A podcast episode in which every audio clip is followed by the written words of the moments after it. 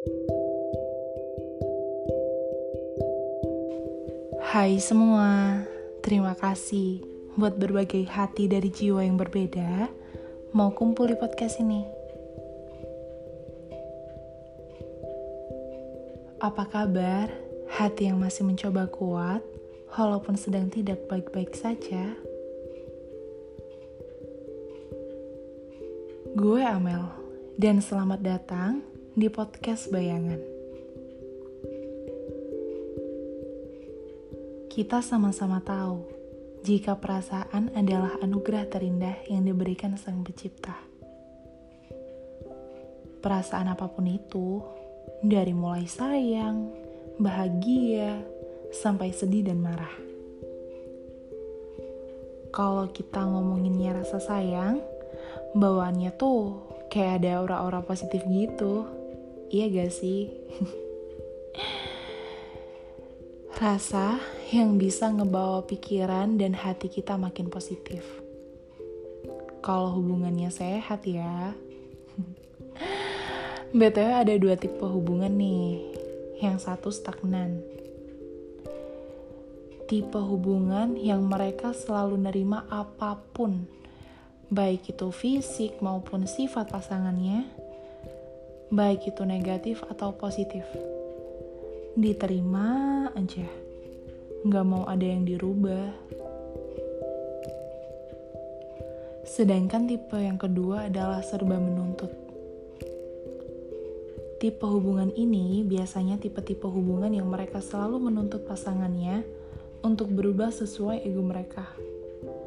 Sampai kadang mereka nggak sadar kalau mereka udah ngerubah pasangan mereka jadi orang lain jadi orang yang gak dikenal lagi. Bahkan, banyak dari mereka yang ngerubah diri sendiri di depan pasangannya agar terlihat sempurna dan menutupi semua kekurangannya. Untuk apa? Hanya untuk mendapat balas rasa. Gue aja bingung. Mesti berekspresi apa? Karena kalau menurut gue sih pasti menyakitkan, tertekan, dan hidup dalam kepura-puraan.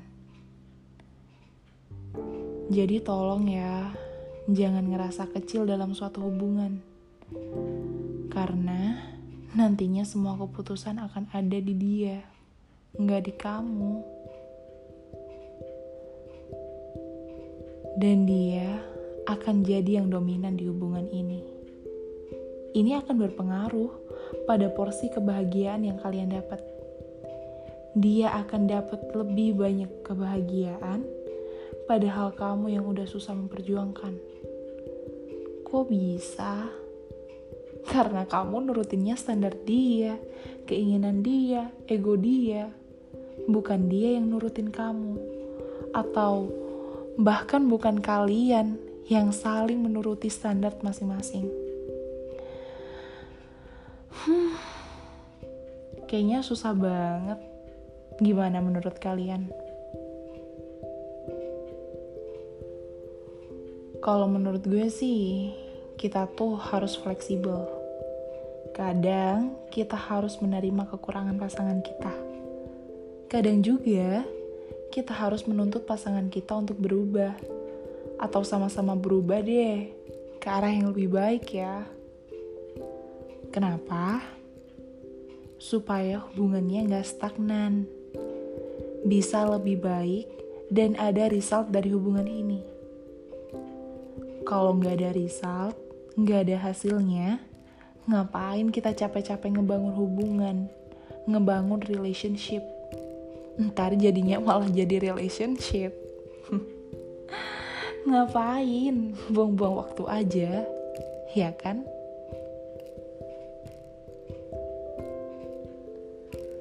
Udah ah, kayaknya cukup segitu dulu obrolan hari ini.